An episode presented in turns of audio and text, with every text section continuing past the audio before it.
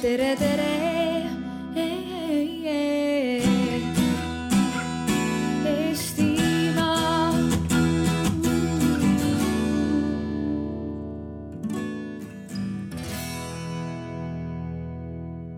Õhtust!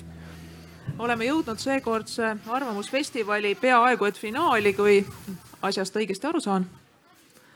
Teie ees on Eesti Vabariigi president Kersti Kaljulaid, Eesti Vabariigi Riigikohtu liige ja halduskolleegiumi esimees Ivo Pilving ja mina olen õiguskantsler Ülle Madise. kolmekesi püüame siin kõnelda vabadusest ja seda viisil, mis ehk avaks mõne uue nüansi mõtlemiseks. vaevalt meist keegi suudab olla või soovib olla tõekuulutaja, sest eks seegi on üks vabaduse osa, et monopoli absoluutsele tõele, ainuõigele otsusele pole mitte kellelgi. Kui meie vestlusest või sellest hoolimata peaks tekkima küsimusi, siis neid on võimalik esitada niisugusel aadressil nagu sli.do ja seal tuleb toksida number üheksa null kuus üheksa null. Te leiate selle aadressi ka sellelt tahvlilt, mis seisab siin ees et mitte liialt igavalt alustada, siis küsin heade kaasvestlejate käest. kas ori tahab saada vabaks või pigem orjapidajaks? Ma arvan, et ta tahab saada vabaks, aga ajalugu tunneb väga-väga palju näiteid ja ma mäletan ka üheksakümnendate algusest, kuidas, kuidas taasiseseisvumise järel mõni Riigikogu liige oli üsna hämmastunud, et kuidas siis nii, et Vene ajal küll ikkagi tähtsate parteibossidel tuldi ja pesti kodus aknad ära, aga Eesti Riigikogu liikmel ei tuldagi.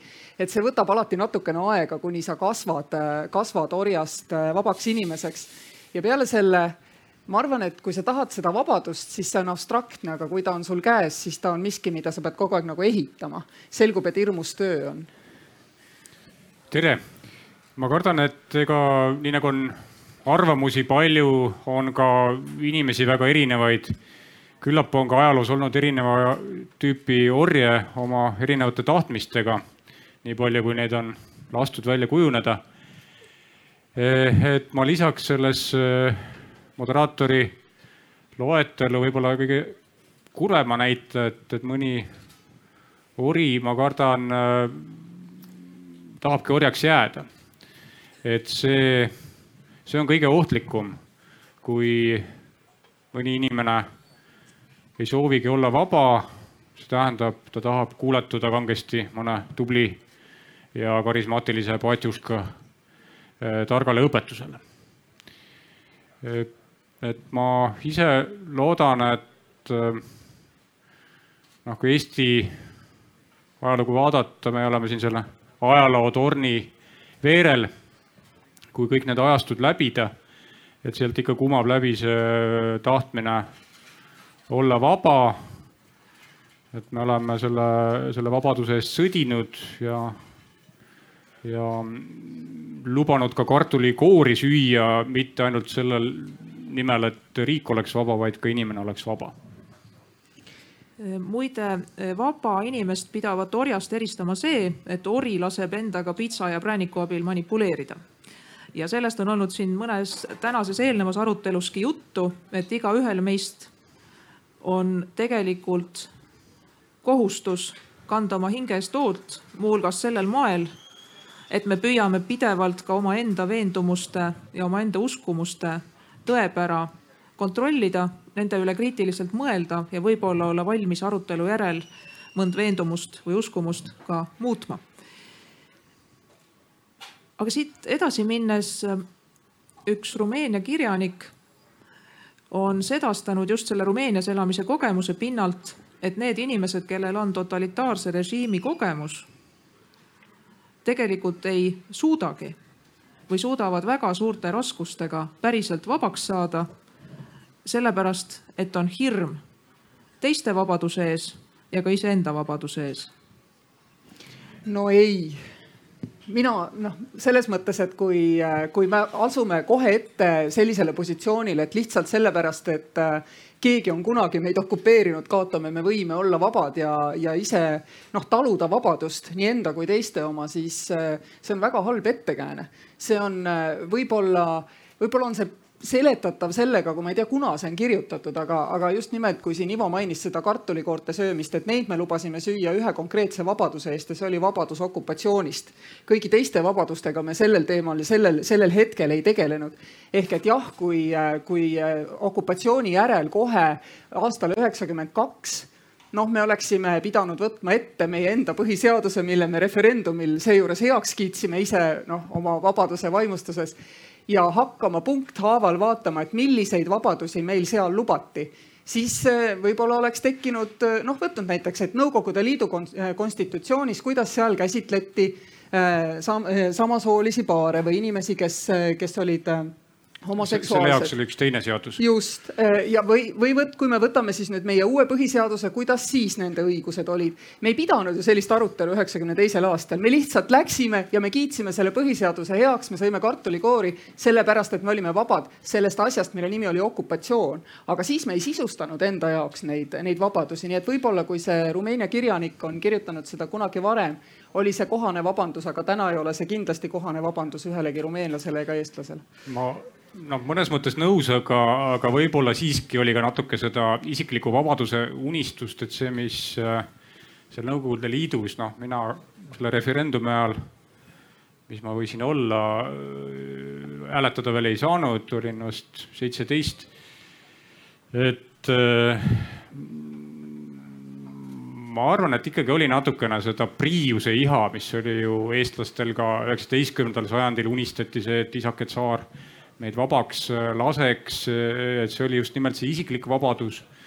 ja äh, noh, kui see vabadus tuli, oli see, oli see suuresti tühi kest ja, ja selle täitmine, täitmine tegelikult tekitas paljudele pettumust, et need, just see Priiuse pool ähm, tähendas ikkagi natuke ka seda vabadust ka ähm, abstra-, mitte ainult abstraktselt, eks ole, Nõukogude Liidust, vaid ka vabadust miilitsast ja vabadust KGB-st ja see on just nimelt see isikliku äh, vabaduse noh, aspekt. et ma noh, eestlased on näidanud seda küll orjapõlvest, küll, küll selle KGB võimu alt väljatulemise suutlikkust ja oskust, aga mul on, ma tõesti ei, ei kujutaks ette, kui nüüd ühel päeval Põhja-Koreas seal see režiim kukuks. et mismoodi seal, seal see ühiskond hakkaks edasi liikuma selle, selle vabaduse poole läbi milliste kadalippude me tegelikult ei tea, seal võib olla dissidente, kes on vägagi haritud, kes on suutnud pääseda ligi äh, noh, millelegi sarnasele, nagu meie jaoks oli Soome televisioon, millega me tihti põhjendame oma, oma algset õiget instinkti. aga ilmselt üksikud. jah, aga ka meil ei olnud neid kindlasti üks koma, üks koma kolm miljonit, eks ole. et äh, mina arvan, et äh, tegelikult me ikkagi tollel hetkel jah, igalühel oli mingi oma isiklik vabadus, mida ta veel tahtis, kes tahtis, et teda ei ähvardaks miilits, kui ta ostab soomlase käest paari teksaseid, kes tahtis Soome sõita, kes tahtis lõugu laiutada, eks ole, nii palju, kui ta tahtis. et selle eest kinni ei pandaks. kõigil olid mingisugused omad nagu soovid, mida nad selle vabaduse juures nagu veel, veel tahtsid, aga, aga ma arvan, et üks kõige olulisem siiski oli see, et meil oli hästi selge lugu, meid keegi okupeeris, see võim läheb nüüd ära järelikult me saame vabaks, et tegelikult esineb ka teistsuguseid, äh, teistsuguseid olukordi, esines ka raudse eesriided, aga paljud rahvad valitsesid ennast ise, kuid olid samavõrra okupeeritud. ma arvan, nende jaoks oli see vahe tajumine palju-palju keerukam kui meie jaoks tollel hetkel. E, jah, just need dissidendid on, on üks näide, kuidas võib olla noh, noh ka nende vabaduse tahkudest võib-olla hiljem räägime nendest võib-olla pikemalt, et, et vaba sisemiselt vaba saab ka olla ori ja mõni, kes, kes on nagu ilma iga, igasuguste kam, väliste kammitsat, kammitsateta justkui võiks olla. ta, ta on just nende oma kirgede ja võib-olla ka ajuloputuse ori. et need, need on need, need inimesed, keda kelle, kes võib-olla teevad meile kurvemaks. Mul on küll selline oletus, et äh, nii nagu paljudel valimistel üritatakse võimaldada äh, eriti populistlike jõudude poolt inimestel uskuda, et just nüüd täituvad nende unistused. Ja muidugi ei täpsustata, millised nimelt. et ju see võis olla nõnda ka vabanemisel, et äh, inimesed lootsid, et kõigest sellest jamast saab lahti, sellest saab lahti, mis ei meeldi ja kõike seda saab teha, mis meeldib. Ja ühtlasi oli tõenäoliselt ettekujutus, et Eesti rahval on üks ühtne, selge tahe ja seisukoht kõikides olulistes asjades.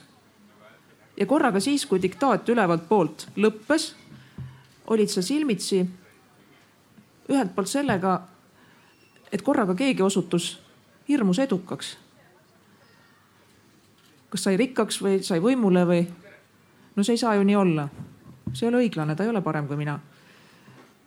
ja teiseks, korraga selgus, et inimesed tahavad elada täiesti erinevaid elusid ja käivad üksteisele kaunis kõvasti närvidele. ka see polnud ju see, mida oleks tahtnud. nii et võib-olla praeguseks Eesti ja paljud teised riigid ongi selles mingis mõttes tüdimuse olukorras just sellepärast, et inimestel on ju unistus, et jamast saab lahti. ja siis nüüd on tunne, et üks jama asendus teisega. et kui tohib. Et eks seda nii nagu võib-olla liiga palju demokraatlik, demokraatiat nagu on näiteks professor Taagepera kirjutanud, võib iseennast ära süüa, eks liigne vabadus võib ka olla vabadusele endale hukutav.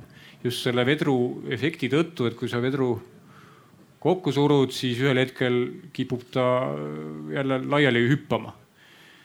ja, ja kui selle vabadusega üle pingutada, hakkadki teistele närvidele käima, käima ja teisi segama, ega, ega inimesed ei ole ei, ei ela kapslis ja ühe vabadus tihtilugu on teise arvelt ja üheksakümnendatel seda, seda sellist äh, kauboi ühiskonda oli äh, teataval määral. et ikkagi äh, oli rohkem seda, et Bemmile vajutati lapats põhja ja, ja, ja tümakas keerati ka põhja ja, või ehitati, kuidas juhtub ja, ja ükstapuha, kelle, kelle aken kinni. et sellepärast on noh, võib-olla on ka tulnud seda tunnetust nüüd juurde, et, et vabadust on hakatud võib-olla targemini kasutama, aga ka ohjes hoidma. et sellest, sellest võib ka võib-olla hiljem rääkida. et seda on tegelikult ikkagi vabaduse jaoks teatud reegleid vaja ma arvan, et üheksakümnendatel me ka väga suuresti sisustasime vabaduse mõistet jõukusega, et kui sa mõtled, hästi populaarne oli nädalaleht Eesti Ekspress, mis tegelikult ju oleks pidanud kõnetama väikest osa Eesti ühiskonnast, aga ta oli, ta oli väga suure tiraažiga, see tähendab, ta kõnetas kõiki neid, kes nägid iseennast viie või kümne aasta pärast sellisena, nagu on need inimesed, kellest Ekspressis, eks ju, kirjutatakse.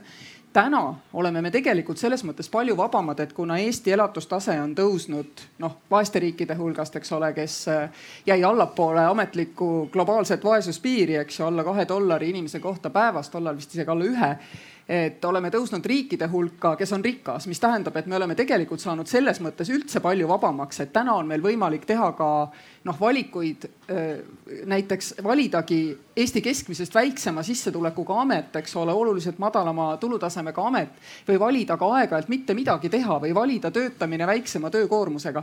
noh, ütleme need, kes üheksakümnendatel tööle läksid, ma olen teist kõva viis aastat vanem, mäletan seda aega paremini ja sain ka referendumil hääletada. et meil ei, meil oli vähem vabadusi, kui on tänastel noortel tegelikult. Ja ma arvan, et ka siit tekib selle, see, selle elumõtte otsimine, nende vabaduste sisustamine. Ja ma arvan, et see on üldiselt hea, et nüüd me seda debatti peame, mida me üheksakümne teisel aastal ei pidanud, kui me oma põhiseaduse vastu võtsime tegelikult, et milliseid vabadusi me siis tahame, milliseid vabadusi me ka noh, ütleme ei soovi või mi mida me oleme oma vabadusest nõus allutama ühisele eesmärgile no ühtepidi eh, tänased noored ei peaks sellega piirduma, mis on neile nagu kandikul kätte toodud ja, ja eh, põhiseaduse referendumil ja ka põhiseadus ise sisaldab äh, sellist klauslit, et see, mis on nende kaante vahele kirja saanud, et sellega asi ei pea piirduma. et põhiseaduse mõte peab ikkagi lendama kõrgelt ja, ja sealt nii seadusandja kui ka, kui ka teised võimuharud, kaasa arvatud kohus, on lausa kohustatud neid äh, loovalt otsima. mitte ei peaks siis kuidagi tundma hirmu aktivismi ees, kui ta, kui ta sealt põhiseaduse ridade vahelt äh, mõttehulgast leiab veel mõne uue õiguse. no millise õiguse võiks, võiks siis äh, sealt veel välja tuletada uus põlvkond, et minu meelest oleks aeg ikkagi sealmaal et tuletada sealt, leida üles õigus äh, keskkonna säästmisele. et seda, seda ma äh, varem äh, ringkonnakohtunikuna kunagi üritasin selles võtmes ühe otsuse kirjutada. no toonased head kolleegid Riigikohtus arvasid, et see on ikkagi liiga julge ja kaugele. noh, võib-olla ka siis vara veel sellist õigust anda, aga, aga see diskussioon oli võib-olla rohkem, läks, läks valele rajale, et, et, et noh, justkui, justkui me peaks kindlaks kõigepealt määrama, et mis taseme niisugust, kui puhast keskkonda me suudame tagada. aga ei pea niimoodi olema, et me saame selle sisustada just nimelt vabaduse võtmes. see tähendab olla vaba mingisugustest jaburatest, põhjendamatustest keskkonnahäiringutest, äh, millel ei ole tegelikult noh, seda, mida ei ole ühiskonna jaoks tarvis mida, mida saaks lahendada muul viisil. aga mina jõuan sinna hoopis läbi vabaduse ja kohustuse teise poolena, sest igal vabadusel on ju ka kohustused, eks ole, vabaduste juurde käivad nagu kohustused. ja meil on ka kohustus äh, mitte oma põlvkonnana ära kulutada neid ressursse, et mis paneksid järgmised põlvkonnad, äh, järgmised põlvkonnad ebavõrdsesse olukorda. see on otseselt põhiseadusest äh, tulenev põhimõte, põlvkondade vahelise võrdsuse tagamine. ja, ja juba sellest tulenevalt minu arvates meil ei ole õigust keskkonda noh reostada ja kui me nende kohustuste juurde juba jõudsime, siis mulle hästi meeldib see, et sa ütled, et vabadusi saab järjest nagu avardada, aga alguses me ei pidanud neid isegi avardama, me pidime nad lihtsalt nagu ära sisustama, sest et kui, kui noh, Eesti riik sai iseseisvaks, põhiseadus võeti vastu, siis meil on majandusvabadus, meil on ettevõtlusvabadus. mida tähendab ettevõtlusvabadus? ettevõtlusvabadus tähendab tulumaksu ja käibemaksu ja sotsmaksu ja käibedeklaratsiooni, sotsmaksu deklaratsiooni, töötajate registreerimist Äh, erinevaid reklaamipiiranguid, reklaamipiiranguid, kõike seda. just, et, et see kõik on tegelikult kirjeldatud vabadus, aga nii kurb, kui see ka ei ole, aga kui me nüüd mõtleme, et, et noh, üheksakümnendatel oli kindlasti vähem ära kirjeldatud ja täna on kindlasti ka mõne koha pealt üle kirjeldatud. aga lõppkokkuvõttes ükski vabadus päris nii ei toimi, et meil sõiduplaani ei ole, eks ju. et, et selles mõttes seda tööd on ju hästi usinasti tehtud kolmkümmend aastat veel enne, kui me noh jõuame selleni, et, et milliseid uusi vabadusi me saaksime oma põhiseadusest tuletada et muide, minule tundub küll, võib-olla selle tõttu, et see on olnud pikalt mu uurimisobjekt ja võib-olla ma olen ühekülgseid materjale lugenud, et vabaduse idee väga eriplaaniliselt. Oli uue põhiseaduse loomisel nii Põhiseaduse Assamblees kui ühiskonnas laiemalt kõvasti levinud. kui juba mainisite siin keskkonda, siis Eesti põhiseadus on muide üks eesrindlikumaid maailmas sest juba aastal tuhat üheksasada üheksakümmend kaks tuli igaühe põhikohustus kaitsta looduskeskkonda ja hüvitada sellele tekitatud kahju. ja samamoodi tuli õigus puhtale loodus- ja elukeskkonnale. vastab tõele, nii nagu Ivo ütles, et kohtud võib-olla selle õiguse arendamisega veel kuigi kaugele pole jõudnud. ja täpsustuseks neile, keda ehk huvitab, mida Ivo peab silmas, kui ta ütleb, et nende vabaduste, õiguste printsiipidega, mis on põhiseaduses, asi ei piirdu, siis tõesti põhiseadus ütleb ka seda, et see, mis seal on kirjas, ei välista täiendavaid õigusi ja vabadusi. ja veelgi enam, mis on hästi huvitav, siis üheksakümne teise aasta põhiseaduses asetati juba preambulis Eesti riigi eesmärkide hulgas esikohale vabadus. üksikisiku vabadus elada oma elu nii, nagu just tema soovib sealjuures kahjustamata teise inimese õigusi või avalikku korda. ja samas ei saa loomulikult teise inimese õigusi ega avalikku korda sisustada nii, et inimese õigus vabalt elada, inimesena areneda, evida omaenda veendumusi, uskumusi, et seda ei olegi nii et Eesti riik on rajatud vabadusele, õiglusele ja alles siis õigusnormidele ja kõik õigusnormid peaks olema suunatud just sellele, et iga indiviidi vabadus oleks võimalikult hästi tagatud, mis mõistagi eeldab, et ühe vabadus lõpeb seal, kus algab teise oma, et teatud raamid peavad olema ja soovitavalt need raamid peavad püsima. ja teiseks peaks kõik normid püüdlema ka õigluse poole. valimiste põhiteema peaks alati olema õiglus. kui suured maksud on õiglased, millised keskkonnakaitsemeetmed on õiglased. ja sellepärast mulle tundub, et põhiseadusest näiteks tuleneb, et kui valimiste keskseks teemaks tõstetakse asjad, mil pole õiglusega mitte mingit pistmist, siis on lati alt läbi joostud. Mulle tundub, et see üksikisiku keskmesse seadmine, mida, mida sa mainid, ongi üks asjaolu, mida kõige rohkem viimasel ajal noh kahtluse alla seatakse et kas, kas ikkagi on nii, et kõige tähtsam asi on üksikisiku vabadused ja riik ongi olemas selleks, et, et noh, toimida nende vabaduste kindlustajana ja teatud mõttes, sotsiaalses mõttes ka viimase instantsi kindlustajana, et sul on vabadus teha, sul on vabadus eksida, sul on kusagil turvavõrk, mis su nagu lõplikust hävingust päästab sellega, et ta su kinni püüab. et selline üksikisiku keskne lähenemine ja siis on see teine mõtteviis, mis ütleb, et, et tegelikult peavad ikkagi üksikisiku vabadused olema allutatud riiklikule riiklikutele vajadustele noh, ma olen kuulnud ka seda väidet näiteks, et naised sõjaväes, ei naistel on hoopis teine kohustus kaitseväe ees, eks ole.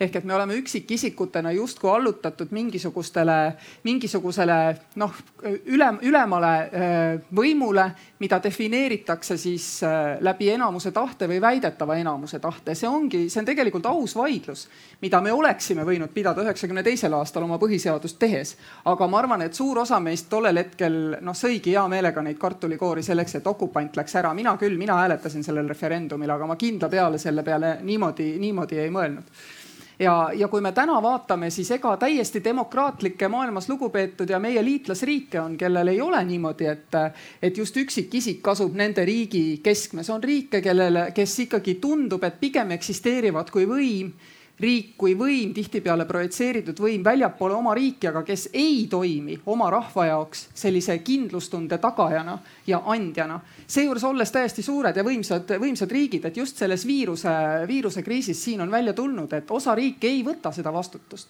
Nad on selle ära andnud, nad on öelnud, et see on isikute ja, ja ütleme, kindlustuspakkujate vaheline asi ja neil puudubki tervishoiusüsteem. On täiesti demokraatlikud riigid, täiesti toimivad, nii et noh, on hästi erinevaid riigimudeleid, mis kõik tegelikult mahuvad vabade riikide hulka. lihtsalt ühel juhul on sul vabadus võtta nii palju riski, et, et sa jäädki lõpuks täiesti üksi noh, selline euroopalik sotsiaalne demokraatlik mudel, nagu meil on, eks ole, sotsiaalse turumajanduse mudel, ütleb siiski, et üksikisik on vaba toimetama, aga me ikkagi ka alati lõpuks aitame ja kaitseme teda noh, ma tsiteeriks naksitralle, kui te lubate, et looduses peab olema tasakaal. kui me loodusest juba rääkisime, aga eks selles riigielus ja, ja õiguskorras peab olema ka tasakaal. et sellepärast mina niimoodi, ma ei postuleeriks nii nagu Ülle seda tegi, et noh, nüüd vabadus on preambulas see kõik, kõige algus ja ots ja, ja, ja kupli kõige kõrgem tipp. et et ma sellega nõus ei oleks. et ta, ta on selle masinavärgi oluline osa, seda vabadust, kui me selle vabaduse sealt välja viskame, meil võib demokraatia olla, aga, aga ilma vabaduseta ta jääb orjade demokraatiaks. ja, ja eks sellel demokraatial on, on üsna kiire lõpp sellisel juhul. aga vabadus on kindlasti piiratav ja, ja, ja on neid erinevaid situatsioone, kus vahel peab jääma siis see piibeleht peale, teinekord, teinekord vestmann peale ehk vahel prevaleerib vabadus, vahel üldine kasu või avalik huvi. noh, eks ole, me, me ei, ei lepi sellega, et nüüd ükskõik kui kiiresti võib Lasnamäe kanalis äh, pedaali vajutada sellel peavad piirid olema, aga, aga teistpidi me ei eh, noh, see, see valitsus, kes nüüd ütleb, et sõidame, sõidame kahekümnega edaspidi alati igal pool, vist ka kaua, kaua pukis ei püsi. et see tasakaalu otsimine, noh, see, see on, see on loomulikult parlamendi töö ja, ja siin mingeid piire ei saa ka seada, et nüüd valimistel ei tohiks rääkida ühest või teisest teemast et eks, eks tohib ikka.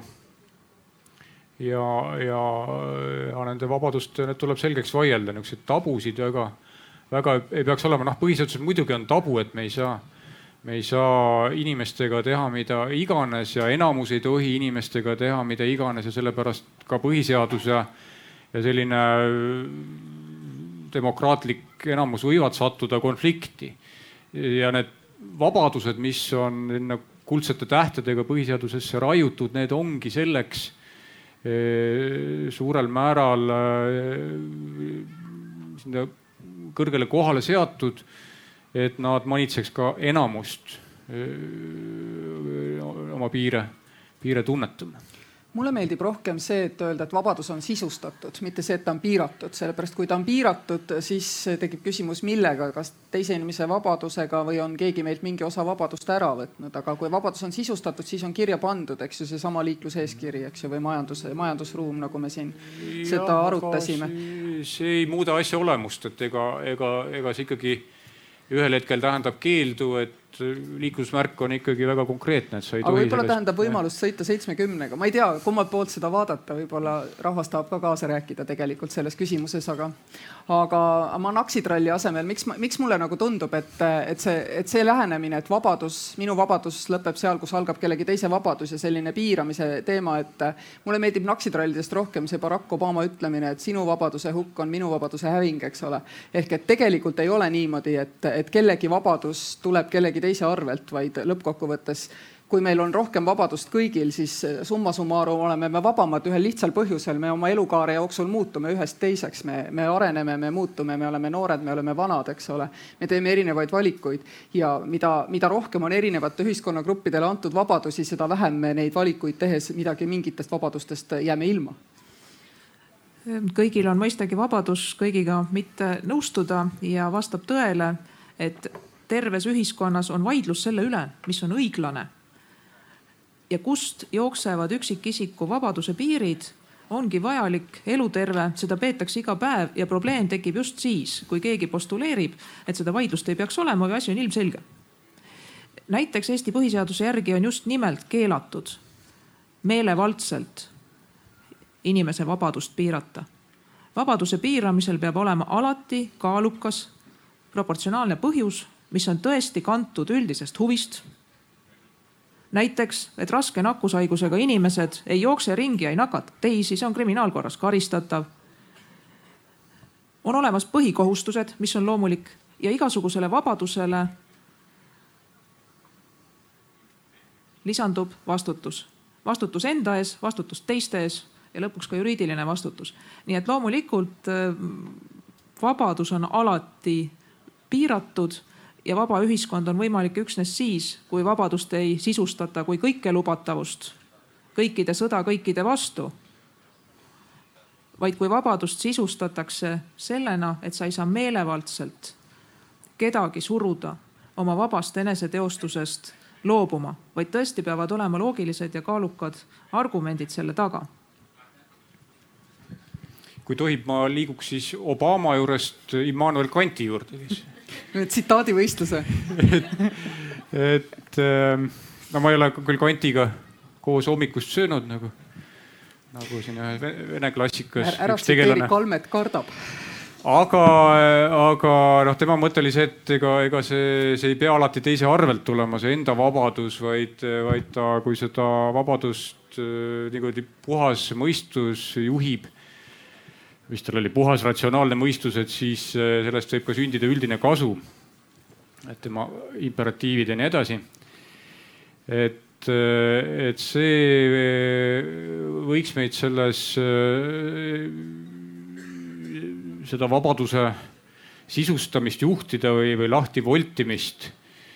Ähm, aga, aga see ei saa toimuda ikkagi reegliteta päris, et noh, paljude jaoks võib-olla piisaks sellest kategoorilisest imperatiivist või, või kümnest käsust.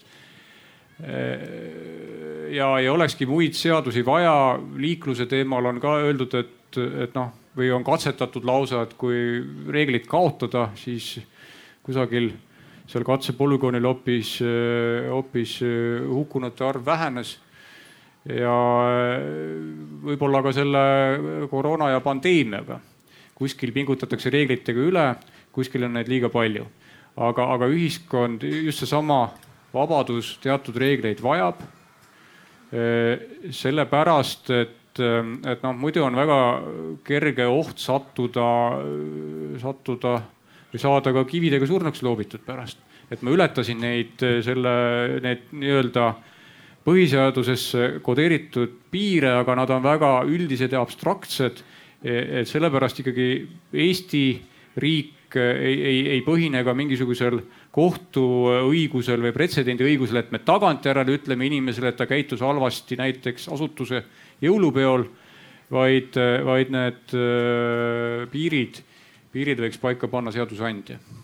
et loomulikult seda ei olegi vist meist kolmest keegi väitnud, et vabaduse teostamine tähendab seda, et piire ei tohi olla, reegleid ei tohi olla. vastupidi, vabadus on võimalik üksnes siis, kui on olemas kindlad proportsionaalsed reeglid ja nende raames saab inimene vabalt toimetada. ja mõistagi oleme me jõudnud sellisesse ühiskonda, mis ilmselt meeldib rohkem kui, kui, kui vana aeg, mis on turvaline sest teatavasti olid ajad, kus kõige lihtsam viis saada endale uued saapad oli lihtsalt välja vaadata, kellel sellised on jalasta maha, maha lüüa ja siis need saapad ära võtta et see ilmselt ei oleks midagi, mis inimestele tänasel päeval meeldiks. aga nüüd oleme sealmaal, kus loodetavasti aadressil sli.do koodiga üheksakümmend, kuussada üheksakümmend on tulnud ka mõni küsimus. Urmo, kas on? on tõe, on tõepoolest ning eh, küsimusi mahub veel, eh, aga praegu valisin neist välja kolm, mis küsin praegu järjest ära, kui vaja, siis hiljem tuletan meelde. et aga kõigepealt siis selline küsimus ja eks te jagate omavahel, kas vastate kõik või, või valib keegi teie seast selle vastamiseks. kas teie arvates on Eestis vabadusi, mida me ei kasuta praegu piisavalt või peaksime kasutama praegusest rohkem?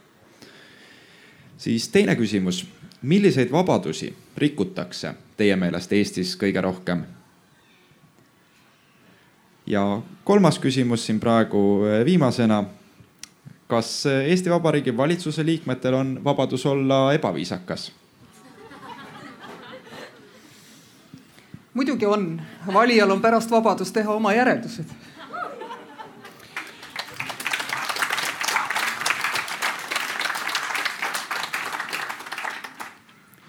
et teatud piirini kindlasti, et, et ka see vabadus ei ole, ei ole piiramatu, et need ikkagi ka poliitik, ükskõik kui suur on tema häältesaak, ei, ei tähenda seda, et ta võib õhutada viha ja, ja, ja mingisuguseid gruppe nüüd täiesti kutsuda üles noh tühistama, moodsa sõnaga. nüüd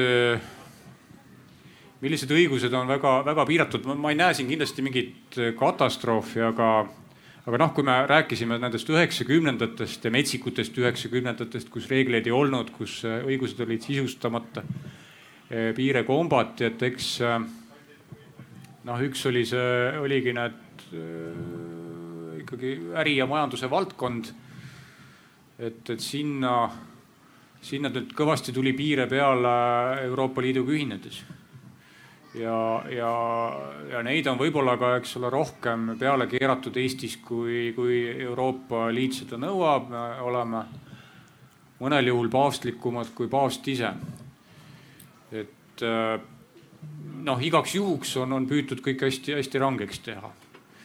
Äh, mitmesugustes majandussektorites, küll, küll tervishoiuteenuste puhul, küll, küll ka võib-olla selles samas ehituse valdkonnas kus üheksakümnendatel oli, oli võib-olla midagi anarhialaadset no minu meelest me ennem siin, Ivo, sinuga just rääkisime, et äh, Eestis on vabadus, mida piisavalt ei kasutata, näiteks kohtusse pöördumise vabadus. et, äh, et kui inimesed tunnevad, et neid on ebaõiglaselt koheldud, kasvõi siin praegu ebavõrdselt koheldud selles äh, kroonviiruskriisis, siis nad võiks rohkem kasutada ka kohtu poole pöördumist. just arutasime, et ülle poole pöördumine tundub inimestele kuidagi nagu madalama barjääriga tegevus, kuidagi lihtsam kui, kui minna kohtusse milliseid vabadusi rikutakse, noh, selles mõttes, et üldiselt ja üle välja ei rikuta meil väga palju vabadusi, aga meil on selliseid noh, ütleme teatud hetkes, teatud ajal kindlasti on rikutud äh, inimeste vabadusi.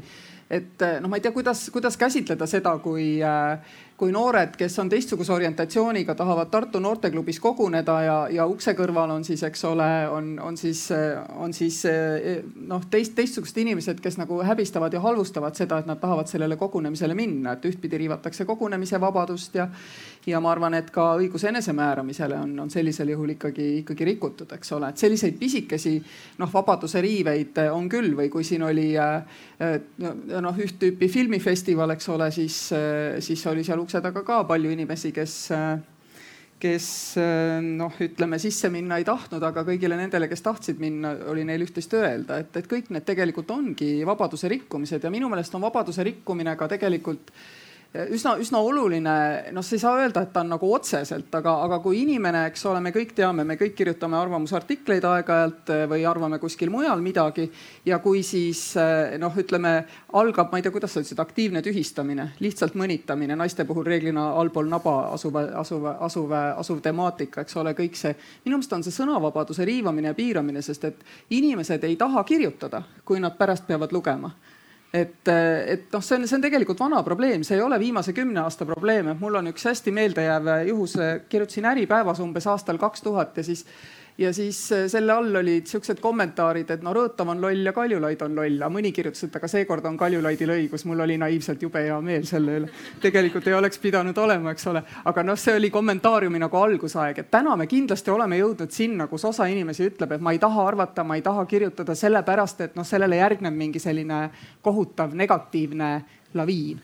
Ja, ja see on ka vabaduse piiramine minu meelest. aga on ilming, ilminguid, et see asi võib-olla ka võtab teistsuguse pöörde, et on, on, on asutud ka, ka võitlema siis selle sõnavabaduse eest või ütleme siis teistpidi, et eh, kellegi teise sõnavabadust, eh, sõnavabaduse kuritarvitamist eh, piirama. ehk kasutud, kasutama oma vabadust pöörduda kohtusse, tahtsid sa öelda? ka, ka vajadusel tuleb minna kohtusse. ma ei ole küll nüüd see, kes oleks ülle peale kade, et kõik, kes tundsid. ta enne nurga taga vaikselt ütles no.. nurga taga olin kade, aga see kadedus läks üle. inimene areneb. et ma arvan, et selle koroonaga valitsus ikkagi tegi valdavalt, valdavalt õiged otsused ja, ja, ja seda tunnetasid ka inimesed, et, et mis ma sinna kohtusse lähen, et seal, seal äh, tõenäoliselt see kohus äh, lepib nende valikutega, et noh, palju siis seal valitsusel ikkagi seda mänguruumi oli ja, ja, ja pigem Eesti valitsus ju valis ikkagi võrreldes siin heade, heade liitlasriikidega nii mõnegagi võrreldes leebe tee. aga äh,, aga jah, selle lahmiva, mis siis on võib-olla seda üheksakümnendate kappavat vabaduse nautlemist on, on, on selles sotsiaalruumis tekkinud ja ma arvan, loksub seegi paika ühel hetkel, et me ei pea, pea nüüd selle inimese au ja väärikuse pärast nii palju muretsema võib-olla kui, kui demokraatia puhul üldiselt, et need manipulatsioonid, millest, mis on päevavalgele tulnud. et see, see teeb mulle nagu suuremat mõju. vabadus, mida ehk kasutatakse vähem kui võiks noh, ma arvan, et näiteks ilusas selges eesti keeles väljendumise vabadust kasutatakse väga palju vähem kui võiks Aga... nii ametnike poolt kui ka inimeste endi poolt. aga Ülle, äkki sa tahad jagada meiega, sa siin oled sättinud ennast mugavasse vahendaja rolli siia keskele, aga, aga tegelikult meil ju oli selle viiruskriisi ajal täiesti noh, väärikaid vaidlusi õiguste, erinevate gruppide õiguste üle ja, ja, ja seal ei olnudki selles mõttes lihtsat ja ühest lahendit olemas, et noh, näiteks patsiendid vahel tundsid ennast, et haiglas koheldi neid halvasti, et nende olukorda halvendati sellega, et nad olid sunnitud maski kandma ja samal ajal teisel pool on vastas arstide õigus ja, ja võimalus teha oma tööd ise haigeks jäämata, teisi patsiente nakatamata, et, et selliseid, selliseid arutelusid selles raskes kriisis, ma arvan, oli hästi palju, et ma arvan, et sul on väga palju selliseid, selliseid juhtumeid. Ja me seisame nende nende aruteludega ikka veel silmitsi, et kui me mõtleme, et sügisel tuleb kooli minna, et kas, kas laste õigus käia koolis ja õppida, kuidas see vastandub või ei vastandu, kuidas me selle vastuolu ära lahendame õpetaja õigusega, kui ta on, kuulub riskigruppi, mitte õpetada samal ajal tööd kaotamata, et need, need ongi rasked, rasked asjad ja, ja meil on hästi palju vaja vaielda ja arutada hästi rahulikuks jäädes seda, kuidas see koormus ühiskonnas hästi ühtlaselt nagu ära jagada. et mis minu jaoks on nagu see, et kui niipea kui kuskil on natuke rohkem haigeid, siis keelatakse hooldekodudes viibivate inimeste külastamine ära et kas nende inimeste õigus oma lähedasi näha on siis väiksem kuidagi kui teistel, et, et me ei, seal ei olegi head lahendust ega head vastust, aga minu arust on hästi halb, kui me ei räägi, et meil on need rasked valikud. Täpselt nii ja tahtsingi mainida ühe võimaliku vabaduse või õigusena, mille üle on äärmiselt keeruline rääkida. ja nimelt õigus väärikale elu lõpule. olgu see hooldekodus, kodus aga üha enam on neid, kes näiteks lähevad notari juurde palvega, olles meie eas, et tahaks teha korraldused nii oma vara kohta. kui organid on veel küllalt kõbusad, et siis ka organite annetamiseks. Aga samamoodi meedikutele juhise, kas kliinilise surma korral elustada või mitte elustada. Ja mida teha siis, kui kõik elulised funktsioonid, välja arvatud füüsilises mõttes elus olemine lakkavad? Et kas siis tuleb hoida juhtmete küljes või mitte? Ja inimene tahaks võtta ära vastutuse nii arstilt kui oma lähedaselt ja otsustada ise ette, et sellisel juhul vajutage asjakohast nuppu või tõmmake välja asjakohane juhe. Täna ei ole seda võimalik teha ja see on üks diskussioon, mida minu meelest võiks Eestis julgelt pidada. inimese vabadus sõltumatult otsustada oma elu lõpu väärikuse üle ja paraku see tõesti ka eh, sellesama viiruskriisiga haakub nii olukorraga hooldekodudes kui olukorraga haiglates. sest see seis, me muide ei tea tegelikku ohvrite hulka, sest mitte kõik äh, koroonaohvrid ei surnud koroonaga. Siit traagiliselt noodilt läheme kohe edasi, aga paljud kaotasid elamise tahte just sellepärast, et nende juurde ei tulnud lihast ja verest inimene. võib-olla oleks võinud isegi tulla asjakohase isikukaitsevahendiga, milleks on vastava klassi respiraator aga ei lubatud igaks juhuks. mõistetav ka, et kes jaksab neid riske võtta. aga samas need inimesed kaotasid oma elutahte. ka neid kaebusi oli, ka neid, kes ei saanud õigel ajal abi ja seetõttu on teie tänaseks samuti meie seast lahkunud. nii et omamoodi see viiruskriis oli tõesti üks põhiseaduse läbikatsumise väga hea võimalus. samas on hea eh, mainida, et käesoleval aastal ka peale sedasama noh akuutset kriisifaasi. Eesti Inimõiguste Instituudi eestvedamisel tehti päris korralik äh, arvamusuuring. Ja sealt tuli välja, et rõhuv enamus Eesti inimesi leidis, et piirangud olid parajad, põhiseaduspärased ja õigustatud. Õnneks lõpuks oli suhteliselt vähe neid, kes arvasid, et oleks pidanud kruvid veel kõvemini kinni keerama ja natukene oli neid, kes leidsid, äh, kas siis, et viirust pole üldse olemas või et äh, tuleks rahulikult edasi elada, nagu poleks juhtunud üldse mitte midagi ma ei tea, kas saabunud küsimustele tahame veel midagi vastata. oma rolli seletuseks võin öelda seda, et korraldajad palusid, et kuna moderaatorit ei ole ja mina lahkelt äh, olin nõus olema see, kes äh, juhatab sisse ja välja ja katsub jääda võrreldes säravate kaasesinejatega võimalusel tahaplaanile, et siis ma olin sellega kohe lahkelt nõus, et minu amet on selline ja kadestada ei maksa jah, aitäh ja lõppude lõpuks sina oled juba saanud mitmel arutelul osaleda, aga Ivale mulle on see sellel festivalil täitsa esimene, nii et äh, me ei suuda kuidagi ennast tagasi hoida. küsi veel, Urmo hea küll, äh, küsime kohe siit edasi, äh, sest tegelikult küsimusi tõesti äh, siin laekub ja, ja näiteks on siis niisugune küsimus või õigupoolest kaks küsimust, mis käivad üsna ühe asja kohta. kas vabariigina võiksime julgemini kasutada referendumeid ja otsedemokraatiaid? Ja teine äh, siis küsimus sama, kus kordub sama sõna. Äh, kas kahe tuhande kahekümne esimeseks aastaks plaanitav referendum riivab meie vabadusi? siin alustan hea meelega mina, minu eriala. Ehm, ja loomulikult põhiseaduses mitte miski ei takista riigielu küsimuse rahvahääletust, mitte miski. täiesti võimalik, kas seesama elulõpu väärikuse teema hooldekodude tasu näiteks kogukonna poolt ehk solidaarselt kandmise küsimus, väga palju muid küsimusi. põhiseadus on tehtud haruldaselt targalt. rahvahääletus on alati siduv, nõuandvat rahvahääletust Eesti põhiseadus ei tunne. on kaks varianti, kas riigielu küsimus, millele saab vastata ei või jah ja mille alusel peavad sündima kõik seadused ja kohtuotsused, kõik muud lähenemised on põhiseadusvastased ja Riigikohtus leiavad oma letaalse otsa. näiteks, kas abielu on mehe ja naise liit? riigielu küsimusena, see on võimalik esitada kui rahvas peaks vastama jah, jääb perekonnaseadus nii nagu ta on, ega keegi teda muuta ka kuuldavasti ei kavatse. kui rahvas vastab, et ei, siis samuti ei juhtu suurt midagi. Küll aga on ebaeetiline panna hääletusele küsimus, kas peaks muutma põhiseadust. sest sel juhul see tulemus on kohustuslik. ja sellest tuleb väga palju jama et see on täpselt sama halb, sama küüniline asi, kui oli kooseluseaduse vastuvõtmine ilma niinimetatud rakendussäteteta, mis ometigi viitekümmet ühte häält vastuvõtmiseks ei nõudnud ja mis jäeti kunstlikult eraldi. nii et niisuguse künismi vastu maksaks kindlasti olla rahvahääletusi korraldada just riigielu küsimuse vormis on võimalik kogu aeg ja seal ei pea Riigikogu kartma ka laialiminekut.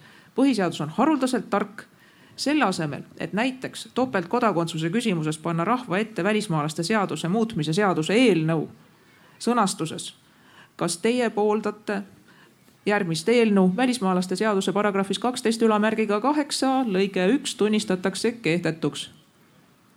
Ei, mitte seda ei pea panema, vaid küsimus, kas Eesti kodanikul tohib olla ka mõni muu kodakondsus, ei või jah. lihtne ja kohustuslik.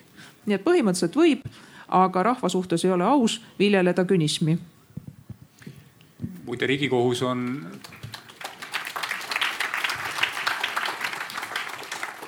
riigikohus on äh, seda küsimust lahendanud. Äh, noh, rahvas võib küll selle ümber hääletada, aga, aga on olemas täitsa halduskolleegiumi määrus, mis ütleb, et, et abielu põhiseaduses tähendabki mehe ja, ja, ja naise kooselu ja, ja, ja nii mustvalgel kirjas ongi. et kui nüüd on tahe see ümber äh, vaadata, et noh, riigikohus kindlasti kuuletub sellisele referendumile, mis ütleb, et ei, et on, on muud variandid ka, ka, ka võimalikud. paljugi sõltub küsimusest, mida, mida hääletusele pannakse, noh põhiseadusel on seal piirid. aga meenub üks karikatuur sellest Krimmi referendumi ajast kus siis oli, olidki seal sedeli peal küsimused või vastused õigemini, et te võite hääletada selle poolt, et, et jah, Krimm kuulub Venemaale või siis teine variant, et ei, Krimm ei kuulu Ukrainale. et no ega need Brexiti küsimused väga palju paremad ei olnud, need olid lihtsalt niivõrd segased. noh, asi võis olla minu sellises puudulikuses keele, puudulikus keeleoskuses, aga aga, aga võib-olla ka manipuleerimise katses ja, ja, ja see on suur oht just nende küsimustega manipuleeritud saada. et Brexiti referendumi puhul sõnastati neliteist erinevat varianti, mida inglise keele eh, professorid siis arutasid, et mis on küllalt neutraalne ja hea. ja tulemus oli see, et minu heale kolleegile, kes ilmselt siin istub ja neid valimisi vaatlemas käis, esitati jaoskonna ukse taga korduvalt küsimus, et kus ma selle risti pean tegema, et ütelda, et see valitsus mulle ei meeldi see vist ongi äh, selliste rahvaküsitluste ja referendumite üks suurim risk, et ei vastata isegi mitte sellele küsimusele, isegi kui sellest äh, aru on saadud. et äh, referendumid on, on vajalikud ja kasulikud seal, kus tõesti on vaja langetada noh, riigielus olulisi küsimusi ja seda tehakse heas tahtes, minnakse, minnakse tõesti teada saama rahva tahet. aga sellisel juhul peab olema tagatud see, et, et mõlemad pooled ütleme, ilmselt on ühe poole ja teise poole seisukohti, nad saavad esitada, esitada võrdselt, võrdselt oma seisukohti, neid kaitsta ja toimub äh, nii-öelda noh, põhjalik rahva harimine ja valmistumine selleks, selleks aruteluks see kõlab väga idealistlikult, mõeldes selle peale, kui äh, omad, omades infomullides me tänapäeval oleme ja, ja tõepoolest äh, noh, minu arust Brexit näitas väga hästi, et ega inimühiskond ei ole nagu purkfüüsikalise kolloidkeemia laboratooriumis, et teatud temperatuuril ja rõhu juures teatud aine võtab alati ühesuguse oleku.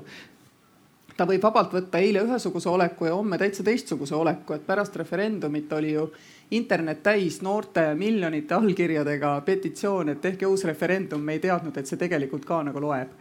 et, et see on referendumite, referendumite juures üks üsna nõrk külg alati on küsimus, kas vähemuse õigusi saab otsustada enamus, enamushääletustega. tegelikult ajalugu tunneb ka näiteid, kus on saanud, näiteks Iirimaa on ju ühe põlvkonna jooksul jõudnud sinnani, et et homoseksuaalsuse kriminaliseerimisest on jõutud homoabielude lubamiseni, ka abordi lubamiseni nüüd, et, et, et see kõik on juhtunud rahvahääletustega, aga selleks on vaja väga head rahulikku arutelukultuuri ja ka kontrollitud rahastust mõlemal poolel. vot mis on see probleem referendumiga, kui nüüd ausalt rääkida, siis ähm, noh, Ülle siin rõhutas, et riigivõim ei, ei tohi käituda meelevaldselt. See, see ka tähendab seda, et noh, valitsus vastutab poliitiliselt, ka, ka riigikogu peab andma aru, selgitama miks ta ühte või teist vabadust piirab.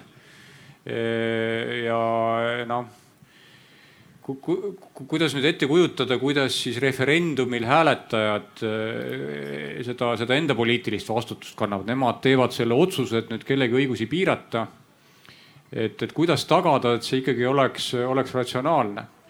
et, et seal on, ongi väga suur oht, et seda, seda otsust ei, ei tehta selle kanti puhta ratsionaalse mõistusega, vaid ikkagi tunnetega.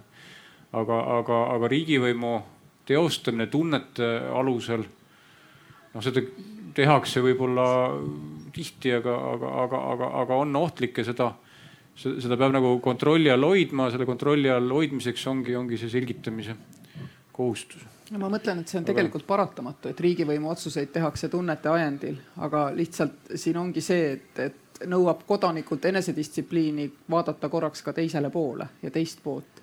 ja väga palju otsuseid saad sa teha just nimelt sellesama teise kingadesse astumise kaudu noh, iseenda peas ratsionaalsemal moel, ületades oma, oma seda esimest tunnetust. ma ei tea, minul küll. aga kui palju, kui palju tehakse? või kui palju tehtaks, kui me nüüd kõiki asju rahvahääletusel hääletaks, noh, võib-olla see kogemus kunagi tekiks, aga noh, siin tuuakse palju Šveitsi näiteks, aga, aga Šveitsis pidigi see kohutav piin olema, kõigi nende materjalide läbitöötamine ja ja enamus seda ka ei tee ja enamasti hääletusel osaluse protsent jääb tublisti alla neljakümne. Ja raha, mis kulub rahvaalgatuse kaudu rahvahääletusele jõudnud ettepaneku maha hääletamisele, on väga suur. see kampaania, mida valitsus teeb on õige kulukas ja pikaajaline, kestab tavaliselt mitu aastat. ja Šveitsis jõudis muide äh, hääletusele ka saksakeelse nimetusega rahvaalgatus, mille nimi oli Maulkorb initsiatiive ja sisu ei olnud mitte maski kandmiskohustus vaid äh, see, et keelatakse kõigil ametnikel ja poliitikutel öelda, et rahvahääletusele pandud küsimus pole ratsionaalne või et näiteks nii nagu seal on püütud hääletada, et kas igal inimesel peab olema väärikas eluase Eh, või et millised munad tuleb panna eh, metsikute veiste sarve otsa või ei tohi neid sinna üldse panna. et valitsus siin mingisugust argumenti esitada ei tohiks. Eh, ka see hääletati maha valitsuse kampaania järel. moodne Lääne-Euroopa demokraatia tunneb päris palju üsna veidraid referendumeid tegelikult. mulle meenub alati see Hollandi referendum Ukraina, ukrainlastele vabama liikumise võimaldamisest Euroopa Liidus kus siis äh, Hollandi riik äh, läks seda rahvahääletusega äh, otsustama, küsima rahva käest referendumil, eraldades siis vahendid paremale ja vasakule, ühele ja teisele seisukohale. ja siis kampaania, kampaaniaorganisatsioonid kandsid nimetusi nagu Meie küla rahva ujumise õigus selles järves ja ukrainlaste viisavabadus et, et noh, ühesõnaga inimesed sidusid ära need, selle referendumi nende teemadega, mis olid nende kogukonnale olulised, said selles küsimuses vastuse teada aga, aga Holland ei saanud kahjuks toetada ukrainlaste viisavabadust. no mina olen seda ka enne öelnud ja ma ise võtaks, kui mina oleks otsustaja, aga õnneks või kahjuks mina otsustaja ei ole, mul ei ole otsest rahva mandaati. et siis mina tõenäoliselt mõnedes küsimustes Eestis rahvahääletusi kindlasti korraldaks, ma just korraldaks riigielu küsimuse vormis on see topeltkodakondsus, on see elu lõpuväärikus, on see meie hooldekodud, neid asju on veel, et nii linna ja valla tasemel kui ka üleriigiliselt. et võib teha küll, et ma seda ei pelgaks, aga täpselt nii nagu Ivo ja, ja vabariigi president siin ütlesid. et siis tuleb tagada kampaania ausus igakülgselt tasakaalustatud ja lihtsas, selges eesti keeles materjalid ja siis see otsus, mille inimesed langetavad, ongi õige nüüd küsimus sellest, kas kohalikel valimistel saab teha rahvahääletust, ehm, vajab vastust ka sellele, et kuidas see mõjub meie ühiskonnale kui tervikule. asi on nimelt selles, et kohalikel valimistel kohalikku volikogu tohivad valida ka kuueteist ja seitsmeteistaastased noored ja samuti Eestis alaliselt elavad välismaalased aga rahvahääletuse küsimust, mis tõenäoliselt, kuivõrd see kampaania on lihtne ja üleriigiline, mitte ei tule punuda igas vallas või linnas spetsiifilist lahendust sellele, kuidas me teeme keskväljakut, millised koolid alles jäävad, milline on lasteaiatasu, kas transport on tasuga või tasuta. vaid saab teha üleriigilise jõulise emotsionaalse kampaania ja vot sellele põhiküsimusele saavad vastata ainult täisealised Eesti kodanikud. ja kujutage nüüd ette, valimisjaoskonnas kahe kasti taha koguneb kaunis erinev saba ja sellel teemal, mille üle on käinud kogu vaidlus, ei saa hääletada Eestis elavad välismaalased ega kuueteist ja seitsmeteistaastased noored. aga siit on võib-olla hea edasi minna jällegi viitega Inimõiguste Instituudi tänavuse aasta uuringule, kus küsiti jällegi esinduslik valim. et kas põhiseadus kaitseb teie õigusi ja vabadusi? hea uudisena vastus üldine vastus tuli et, et kaheksakümmend kaks protsenti küsitletutest arvas, et jah, kaitseb küll. kardan, et halb uudis on see et, et viiskümmend kaks protsenti küsitletud Vene kodanikest arvas, et kaitseb ja nelikümmend kaheksa, et ei kaitse. ja samal ajal Eestis elavatest muudest välismaalastest või välismaa kodakondsusega inimestest kaheksakümmend kolm protsenti arvas, et Eesti põhiseadus kaitseb ka neid tõsi, ma ei tea täpselt, et milline see seisukoht saab olema nüüd pärast seda, kui need kaksteist tervet ukrainlast välja saadeti. aga vähemalt aasta alguse seisuga oli tulemus niisugune. ja vot siin on võib-olla üks murekoht, et kuidagi on propagandaga jõutud sinnani, et miskipärast arvatakse, et kui näiteks oma õiguse või vabaduse kaitseks esitatud kaebus jõuab riigikohtusse, halduskolleegiumi või põhiseaduse järelevalvesse et siis vot just kodakondsuse tõttu Eesti ei kaitse. Mis me sellega teeme? on sul ajajoont ka, et, et kuidas see dünaamika on, see viiskümmend kaks, nelikümmend kaheksa punktina mulle väga palju ei ütle, sest et ma iseenesest võin aru saada, et kolmkümmend aastat tagasi noh, ütleme, kui ikkagi äh, noh, Eesti rahvas oli alla surutud rahvas Nõukogude Liidus ja, ja teised rahvad, kes siia tulid, neil olidki teatud privileegid, näiteks võimalus ajada igal pool asja oma emakeeles, eks ju, mis meil kippus, kippus käest ära kaduma ja nii edasi, mis tähendab, et sellel hetkel, kui meie neile ütlesime, et te olete kõik nüüd meiega võrdsed vastavalt seadusele, seadusele, kui te olete kodanikud, on teil kodanikuõigused, kui alalised elanikud, siis alalise elaniku õigused. ja me teie õigusi ei riku, tundsid nemad ju ikkagi seda, et, et nendelt on õigusi nagu vähemaks võetud, ehk et ilma ajajooneta ei ole võimalik noh, öelda, mis tundeid see, see, see tekitab. tegelikult on hädasti vaja kõrvale ajajoont, võib-olla see protsent ei ole nii halb, kui ta sellest tundub aga nii või teisiti äh, on, on kindlasti äh, meie naabril huvi äh, süvendada vene keelt kõnelevate inimeste arvamust, et Eesti riik nende õiguste ja vabaduste eest ei seisa. ja meie huvi on näidata, et me seisame noh, selles mõttes pimedana inimeste emakeele suhtes nende õiguste ja vabaduste eest. ja mingis mõttes võib-olla on see ka natuke paratamatu, et, et inimesed, kes ei noh, istu meie inforuumis, ei loe meie lehti ja, ja ei arva meiega iga päev koos, ka siin on neid ju üsna vähe, et eelmine aasta siiski oli, ma ei tea, tänavu palju on siin neid inimesi, kes kodus teist keelt kõnelevad. et neile jääb ka isegi ilma propagandata mulje, et võib-olla nad on selles maailmas natuke rohkem üksi ja natuke vähem riigi poolt toetatud ja kaitstud, kui, kui nad tegelikult on noh, jah, kui inimesele ikka pidevalt korrutatakse et äh, temaga on ebaõiglaselt käitutud. Äh, eks ta seda äh, uskuma jääb. või noh, nii mõnigi. aga, aga noh, mida saab kohus teha, on, on ikkagi, on aus menetlus, selle inimese ärakuulamine, talle, talle kohtuotsuse selgitamine arusaadavas keeles, noh, seda tuleb siis teha ka vajadusel äh, võõrkeeles, selline õigus on, on äh, ka tagatud, vaatamata sellele, et, et noh, kohtu enda asjaajamine käib eesti keeles, aga, aga vajadusel tuleb ka võõrkeelsele inimesele ka suhelda tema keeles. Äh,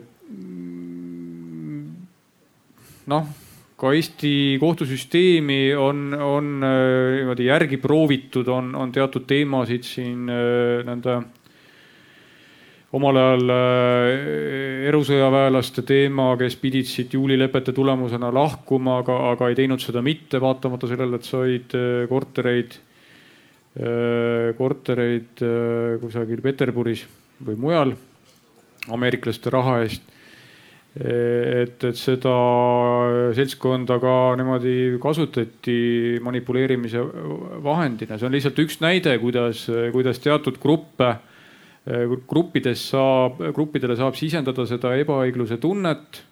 aga, aga me peame olema valvsad, et ka meie endaga samamoodi ei, ei manipuleeritaks, et, et noh, ühel juhul on need naaberriigi kodanikud, järgmisel juhul võidakse võtta ette kõik tartlased ja öelda, et mis te, mis te seal möllate oma, oma ööklubides nüüd, nüüd äh, palgaks ja karistuseks istuge, me teeme okastraadi Tartu ümber ja, ja laseme, laseme elektri ka sisse ja, ja, ja käige, käige siis oma ööklubides ma olen üldse päris imestunud, et saarlased ei ole veel öelnud, et nüüd, kui mandril on märksa kõrgemad nakatumise arvud, et siis mandri inimesed ei tohi saarele tulla. Et tegelikult ju võiks. Aga äh, Ostse äh, vähemusrahvuste ülemkomissar härra Sanier ütles paar aastat tagasi, et Eesti ikkagi on integratsiooni musternäide ja nemad just nimelt analüüsivad ka seda, et kui paljud inimesed saavad aru oma õigustest selles riigis, kus nad on ja tunnevad, et need õigused noh, on võrdsed, võrdsed siis äh, teiste või ütleme põhi, põhirahvaga ja kui me mäletame, siis äh, kunagisel äh, vastaval volinikul Max van der Stoelil oli meile jube palju etteheiteid, siis, äh, siis nüüd on härra Sanier on, on pühas vaimustuses sellest, kuidas Eestis on asjad hästi. ja mina arvan, et see, see parem olemine, kuigi need üllenumbrid minu jaoks ka on pisut jahmatavad tegelikult, et see parem olemine tulebki sellest, et kui me kolmkümmend aastat tagasi ütlesime ütlesime teiste rahvaste esindajatele, kes ei olnud põlisrahvas, et nüüd on niisugune asi, et tuleb vaba riik ja vabadus ja teil on samad õigused ja meil on samad õigused. Ja siis nad ei saanud sellest aru, sest kui sa oled ainult elanud totalitarismis, siis sa tunned ainult noh kellegi võimu teiste üle, sa ei, sa ei kujuta ette, mida see vaba olemise asi tähendab. Ja, ja kolmekümne aastaga on peale tulnud uus põlvkond, kes väärtustab neid vabadusi ja saab ka aru, et neid võib-olla idapiiri taga ei ole nii et neil on, neil on lihtsam nagu mõista, et, et kuidas siis Eesti riik nende vabadusi kaitseb. aga kui sa tajud oma õigusena ka näiteks õigust saada korterit, eks ole, millist tõesti enam ei eksisteeri, et noh, siis, siis, siis siin ongi käärid, et siin ongi see vabaduse mõistmise või mittemõistmise teema võib-olla, kust me alustasime. et kui siit nüüd teha üks edasi või tagasipööre, eks otsustage ise räägiks natuke individualistlikest ja kollektivistlikest lähtekohtadest ja sedagi koroonakriisi näitel. kui mul oli ennegi tundunud, et inimesel on üldiselt armas tema enda vabadus ja teiste oma mitte nii eriti. et ühesõnaga tahaks, et teised närvidele ei käiks ja elaks nii, nagu minu meelest on õige. siis korraga vaadates neid kaebusi, mis meie majja tõesti virnadena jõudsid, siis hakkas mulle tunduma, et lisaks sellele inimene ei taha tegelikult ka seda oma vabadust üldistus oleks muidugi meelevaldne, sest et äh, ei tea ju, mida mõtlesid need, kes ei kaevanud. aga võiks selle üle pisut arutada. ka avalikkuse ette jõudsid näiteks niisugused seisukohad, et valitsus oleks pidanud kinni panema kõik juuksurisalongid, kõik restoranid. sest nüüd said ju leidlikumad ja julgemad eelise ja seda ei rääkinud mitte need inimesed, kes võib-olla ei saagi mineviku tõttu turumajanduse alustest aru, vaid just nimelt need inimesed, kes peaks oskama vabadust mõistlikult sisustada. Need inimesed nõudsid, et tuleks valitsus ja ütleks, teie äri peab olema kinni. no see on see üks äh, orjalikkuse ilming, et oodata seda patjuška kätt, kes siis oleks karm aga, aga, aga õiglaselt karm kõigi suhtes ja mitte ise otsustada, mitte ise riske võtta. no mingi piirini, no nüüd kordan ennast, aga, aga seda reguleerimist on vaja. et äh, ei pea saama minu meelest ükstapuha, mis kellaajal lehepuhuriga tolmu üles keerutada, eriti veel pühapäeva hommikul. et äh, noh me võime ju tahta, et inimesed eh, oleks ise piisavalt mõistlikud, aga, aga alati kõik ei ole ja, ja, ja kahjuks tuleb tegeleda ka nendega just, kes ei ole. aga mõnel juhul ei aita ka see, see selge reegel, noh, sa võid ju panna liiklusmärgi, aga, aga, aga ta sõidab kahesajaga ikka Lasnamäe kanalis. mulle jäi mulje, et väga paljud äh, väga paljud nõudsid seda sulgemist selleks, et tagada kiire automaatne võrdne kohtlemine, et kui on halb, siis olgu kõigil sada protsenti halb, et muidu keegi rikastub selle arvelt, et mina panen ennast kinni, et seal oli see argument, ma kujutan ette, mille nad tegid, et täitsa huvitav, ma arvan, rahval kuulda, mis su vastus on ja lahendus on. ja, ja teine, teine põnev koht minu jaoks oli see, kuidas ikkagi inimesed alati ei taha tajuda, et nende vabast, vabadused ja kohustused on nagu hästi vastavuses ja et see on ka meie, meie vabaduste nagu teine osa, sest kohutavalt paljud tuli ettevõtjaid, kes ütlesid, et äh, vaadake, et noh, meil ei ole tõesti ühtegi töölepinguga töötajat, aga tegelikult nad ju on meie töötajad, et noh, nad peaks ka ikkagi saama seda palgatuge, mis siis, et nad ei ole kunagi saanud palka, sest noh, nad ei töötanud töölepinguga, noh, te saate ju aru, nad tegelikult ikkagi olid tööleping, noh, tööl, tööl olevad töötajad et, et see viirus oli noh, väga vahva selles mõttes kodanikuõpetuse nagu kursus, et ta oli traagiline, kurb ja on ikka väga suur probleem, aga nagu niisuguste probleemide juures ta oli meile noh, ütleme vägagi, vägagi kiire, kiire õppetund, ma arvan, väga paljudele, et jah, aga Ülle, ütle siis, kuidas see lahendus on? no nii nagu ka härra riigikohtunik ütles, et siis äh, see lähenemine, mille kohaselt on ühtsed reeglid, et tuleb vältida nakatamist ja nakatumist, mis tähendab teatud täituvuspiiranguid, hügieenireegleid, distantsi hoidmise kohustust, aga ei pandud kinni kõiki juuksurisalonge, kõiki restorane. see oligi proportsionaalne, see oli kantud põhiseaduse vaimust. eesmärgile jõudmiseks vajalikud piirid, reeglid kehtestati ja tõesti oli nii, et selles keerulises olukorras need, kes kiiresti suutsid ennast ümber korraldada, näiteks juuksuris töötada ükshaaval ja vahepeal õhutada ruume, näiteks restoranides kiiresti hakata koju inimestele toitu viima, hiljem lõunati kontorisse, tõsta oma lauad ümber, midagi tõsta ilusa kevadise ilmaga juba välja vastab tõele, neil läks tõesti paremini, aga see oli täpselt see, mida üheksakümne teisel aastal peeti silmas, et kui loodeti ettevõtlusvabadust ja taheti just nimelt seda, et inimene oma isikliku nutikuse ja töökusega eh, saavutaks võimalikult head tulemused, et muidu on nii nagu vanas eh, naljas, et mõni inimene ei julge kättki taskust välja võtta, et muidu märgatakse, et sõrmed on eri pikkusega. aga aga kuidas me peaksime noh, teades, et nagu see arusaamine ka sellest viirusest kogu aeg muutub, et, et kui nüüd oletame, et tuleb ikkagi nagu oluliselt uuem puhang, aga me praegu noh, ütleme, loeme siin teaduskirjandusest, et näiteks maski kandmine eh, kui sa, kui sa, kui sa köhid teise inimese peale läbi maski, siis nakatumise tõenäosus kukub kolmkümmend korda või siis teiselt. ei vasta tõele kahju. Eh, no ei tea, teistpidi. professor Lutsari sõnul ei vasta jah, kui kaheksakümmend protsenti inimesi kannaks maski, et siis see oleks sama efektiivne kui, eks ole, see see, see, see, mida me tegime nagu alguses, eks ole.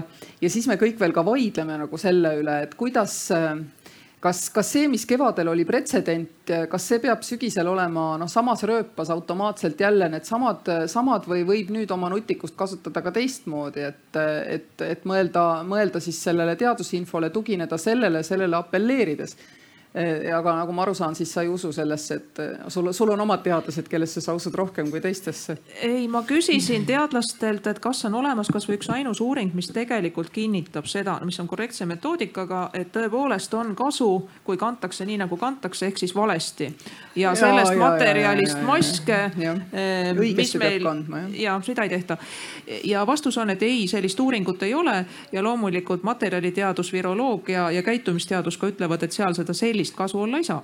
aga otse loomulikult, kui me räägime näiteks meedikute kaitsest perearsti kaitsest, kui talle tuleb asümptomaatiline, noh, võib-olla asümptomaatiline patsient hoopis valutava varbaga, siis loomulikult tuleb õigesti kanda ühekordset maski selleks, et säästa ka siis, kui sellel asümptomaatilisel inimesel võib-olla on eh, tegelikult see viirus sees ja võib kõneldes ja hingates juba levida, meedik puutub kokku paljude inimestega, jah, tema kaitseks on see täiesti põhjendatud aga noh, midagi ei ole teha, et juriidiliselt selle kohustuse saab ikka kehtestada üksnes siis, kui tõepoolest, äh, kui nii nagu inimesed seda kannavad, see materjal seda konkreetset viirust ikka kinni peab, et selle kohta praegusel hetkel veel tegelikult tõendeid ei ole.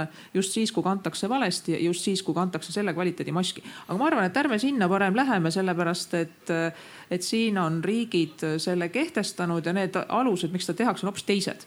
et inimesed tunneks, et midagi annab ikkagi teha teiseks, et paljud tajuvad seda kandmist nii ebamugavalt, et siis nad ei lähegi kuskile kolmandaks saksakeelses meedias ja minu suureks kurvastuseks ka mõned saksa kohtud on sellega kaasa läinud, öeldakse, et see on märk solidaarsusest, me kõik võitleme pandeemiaga. see on just see, mida ei tohi, see ongi seljaaju abil riigi juhtimine, et see on see on see, see tunnete, tunnete põhjal, kus puudub see ratsionaalne iva otsuse tegemisel. just, aga no ühesõnaga, et ma olen ka täiesti seda meelt, et niipea kui tehakse korrektne uuring, mis ütleb, et on kasu, ise panen ka ette kuni kas... ei ole, äh, kaitsen ka hingamispuudulikkusega inimesi, kuulmispuudega inimesi ja kõiki neid, kes seda ohtu aga... endale võtta ei soovi. mina ei tambiks päris nüüd mutta neid, noh, võib-olla see juuksuri näitel ma olen nõus, et ei pea kõiki kinni panema ja ise imestasin ka, et miks Tartu Ülikooli raamatupood oli viimane, mis lahti tehti et kõik teised kõrtsid ümberringi ja ööklubid olid juba lahti, no ööklubid võib-olla mitte, aga, aga, aga et mis on siis seal raamatupoes,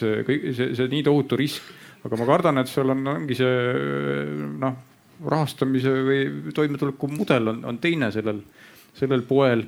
et nad, nad ei pidanud nii väga kartma äh, pankrotti minekut, vaid, vaid noh, oli siis see viirushirm esikohal aga ma siiski, ma siiski tahaks natuke edasi väidelda sellel teemal, et oletame ikkagi, et noh, tegelikult on tehtud neid uuringuid, kus on pandud mask korrektselt äh, ja siis äh, näiteks hiirepuuri peale äh, merisigade küll, nendel nakkub see viirus sama hästi nagu meil. ventilaator vahele, teisel pool on teised merisead ja on reaalselt näidatud, et ikkagi, kui see mask on nagu vahel, siis haigestumine langeb kordades tervete merisigade puuris, et neid teste siiski on tehtud, inimestega on raskem teha, nad ei lähe puuri ja ja, ja ei pane maski korralikult ette, merisiga pani palju korralikult. ma tean ühte gruppi, keda saaks kasutada.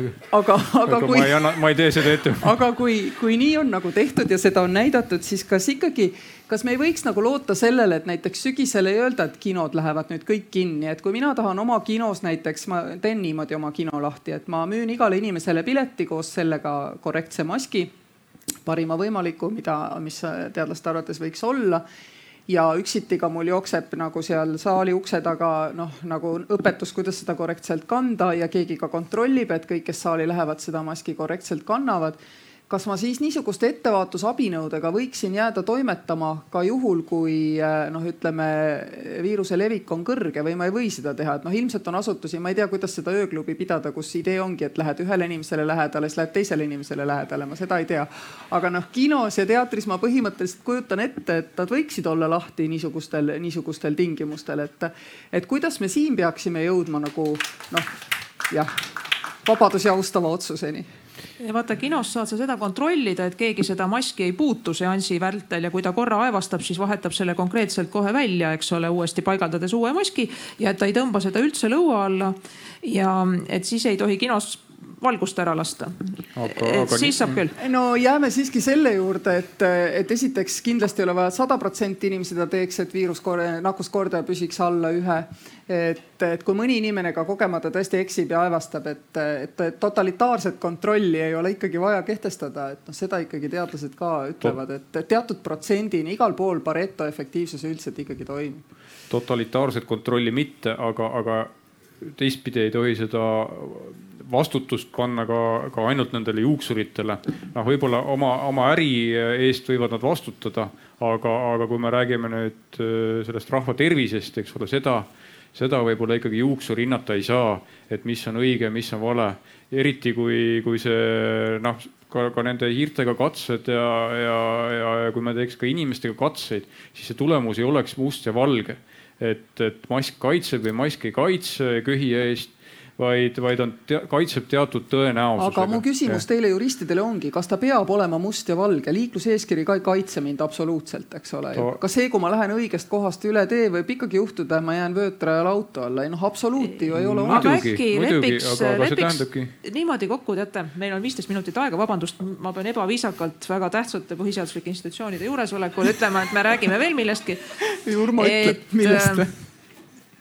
Äh, ma arvan, et kõige lihtsam on see kui tõenduspõhiselt ja avalikult öeldakse välja, milline materjal, millise kandmise korral, mille eest ja keda kaitseb. sest kui vastab tõele see plakat, mida Facebookis levitatakse, eh, kus, kui mask on ees ja köhid läbi selle maski, eh, siis sinu vastas olev terve inimene eh, nakkust peaaegu ei saa. aga kui tema on haige ja tema köhib ja minul on mask, siis mina küll saan no kes see väljaütleja peaks olema? et siis tuleb keerata kirurgimask teisipidi, sinine sisse et ühesõnaga vaatame selle asja niimoodi loogiliselt ja ratsionaalselt ära, aga Urmo, ütle, et ehk on veel mõni küsimus. oi, küsimusi on palju ja tegelikult ja. on näha, et ega me neid kõiki ei jõua küsida, seetõttu ma soovitan ka inimestele, sest sinna Slido keskkonda üheksa null kuus üheksa null numbriga saab minna ka selleks, et ka ise lugeda ja Arvamusfestivali vaimus ise mõtiskleda nende samade küsimuste üle, mis siin on esitatud ja arutada neid oma lähedastega.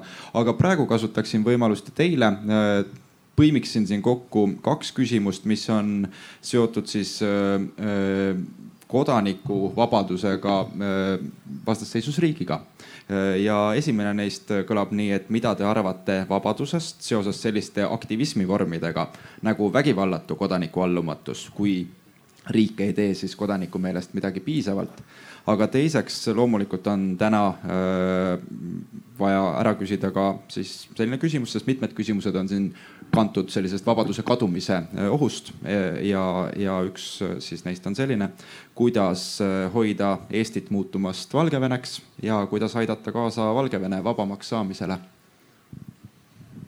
et kui enne oli küsimus, et noh, korra veel koroona juurde tagasi, aga see seondub selle Valgevenega et, et kas valitsus tegi kõik õigesti või midagi valesti, et noh, kas nüüd valesti, ega. aga noh, tagantjärgi mina oleks ikkagi lapsed varem kooli lasknud, eriti nooremad. ja, ja ma arvan, et seda tuleks sügisel eriti uute lainete valguses kindlasti mõelda, see ongi see, mis meid Valgevenes muutumisest hoidma peaks, et seda koormat ei saa siin ei, ei, ei, ei, ei, ei kohtu, ei, ei teistele õlgadele asetada, et noh, kuidas, et valijad targasti hääletaks, noh, meie, meie ei saa õpetada.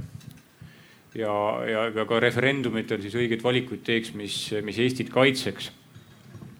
et see tuleb ikkagi hariduse ja raamatute lugemisega.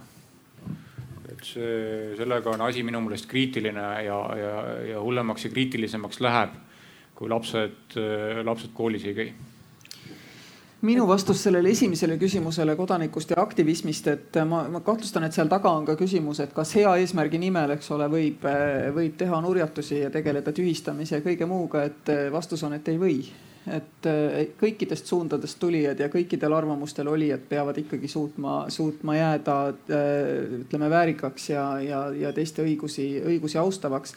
Sellepärast, et midagi ei ole teha, vahel tuleb vastu võtta ka aus kaotus väitluses, kui sa näed, et sa tõesti oled, tõesti oled vähemuses. Eh, kuidas mitte muutuda Valgeveneks, mul on väga kurb, kui kodanikud tunnevad, et me oleme nagu, et meil on risk või me oleme teel muutumaks eh, Valgeveneks. ei, Eesti on, Eesti on eh, demokraatlik riik, kus on sõnavabadus, kus on ajakirjandusvabadus kus on kodanikel võimalus vabadel valimistel osaleda, mis on ausad ja, ja kus on, kus on garanteeritud, et, et see valimistulemus vastab tõesti rahva tahtele. meil on enamjaolt koalitsioonivalitsused, see on jällegi olnud minu meelest üks, üks tarkus valida just selline valitsemise mudel, kus noh, meil ei ole ei ole tegelikult äh, kunagi ühel parteil selget, selget võimu äh, selles riigis nelja aasta jooksul tehtavate otsuste üle.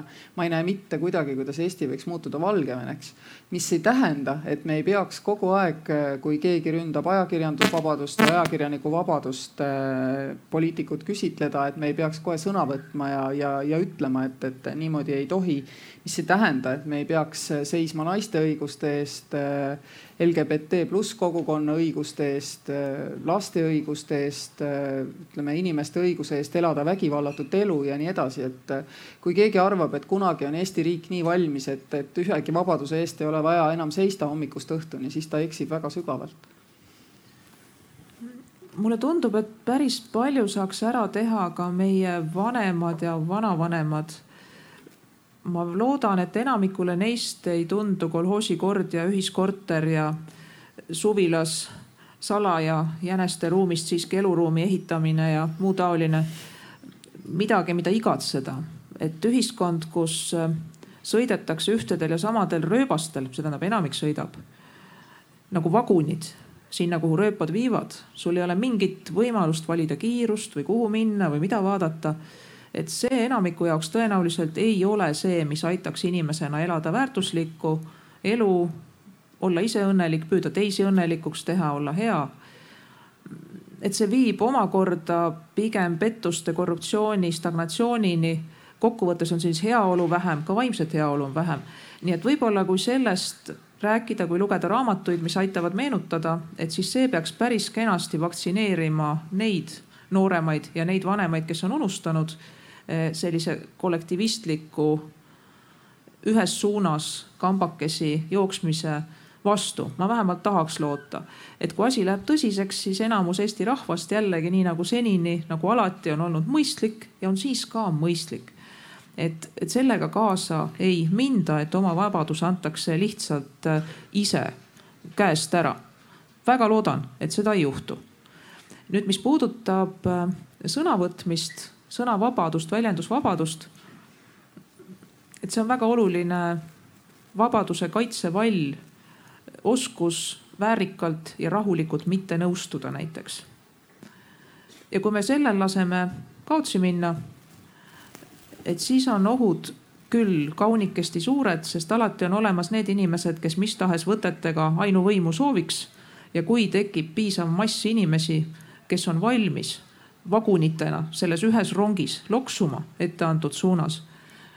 noh, siis on põhimõtteliselt see väga negatiivne stsenaarium mõeldav.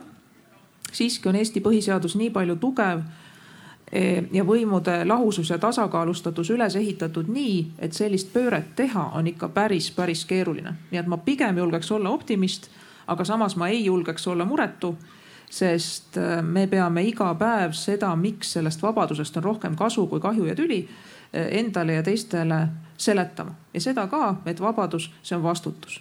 aga kui äh minu kui ettevõtja või minu ettevõtte võime saada toetust näiteks sõltub sellest, mida ma olen arvanud ja muud sellised pisikesed ilmingud, et noh, et siis, siis see, see paneb sõnavabadust, eks ju, see paneb nagu sõnavabadust alati nagu löögi alla üksjagu ja ma arvan, et, et noh, selliseid asju meil, meil on, et mida aeg-ajalt nimetatakse ka konna keetmiseks, et neid ilminguid tuleb osata alati ära tunda ja ja, ja hakata vastu siis, kui vastu hakata saab ja see ja, ja saab kohe et eh, mida kauem oodata, seda, seda keerulisem ju on, eks ole. no ega neid ilminguid täiesti välja ei saa ju juurida, et keegi iial kunagi oma mehi ei, ei, eelistaks, võimu ei kuritarvitaks.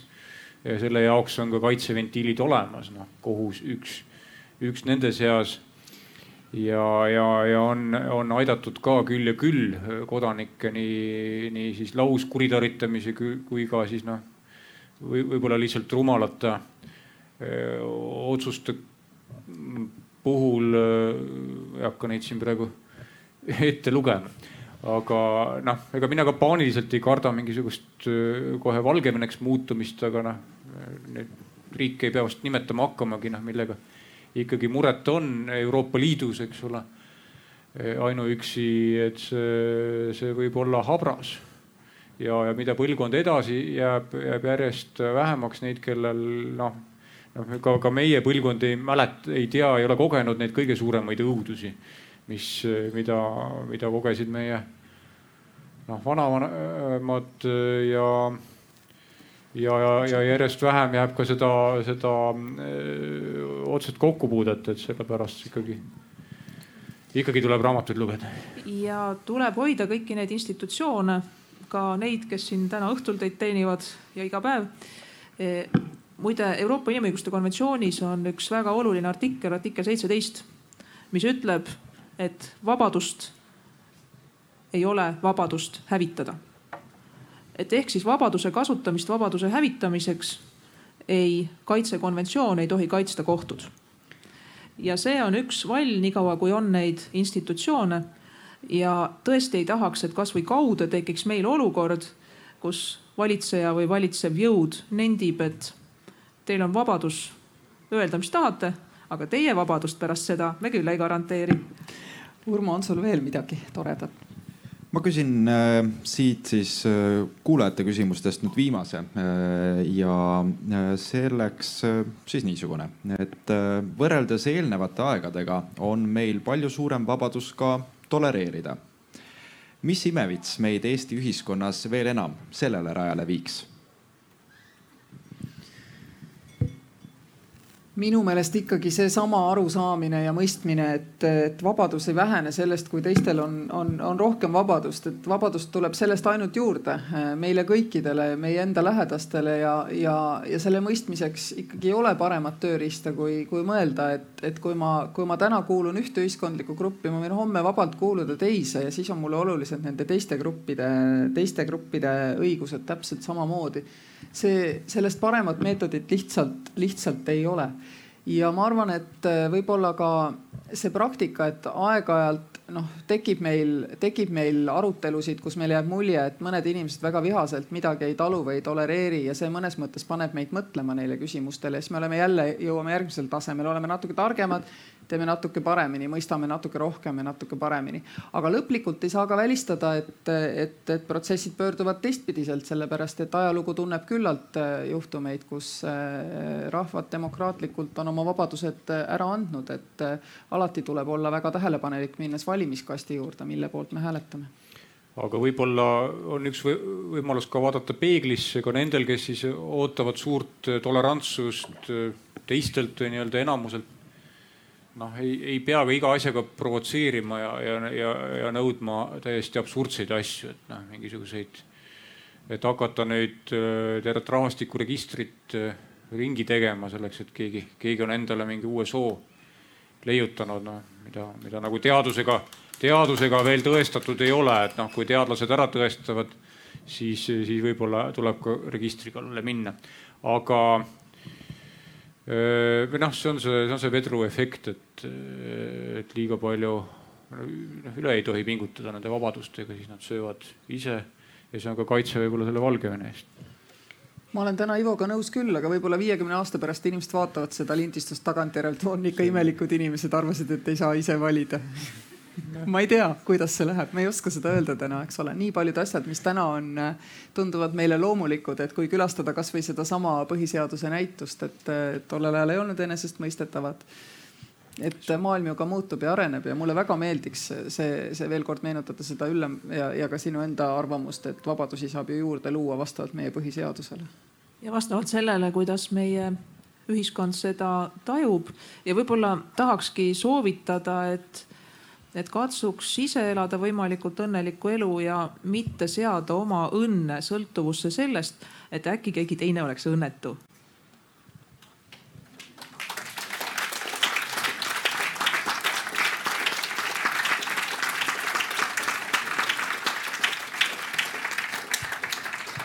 Ehm, näib, et ühtki kurja küsimust veel ei tulnudki.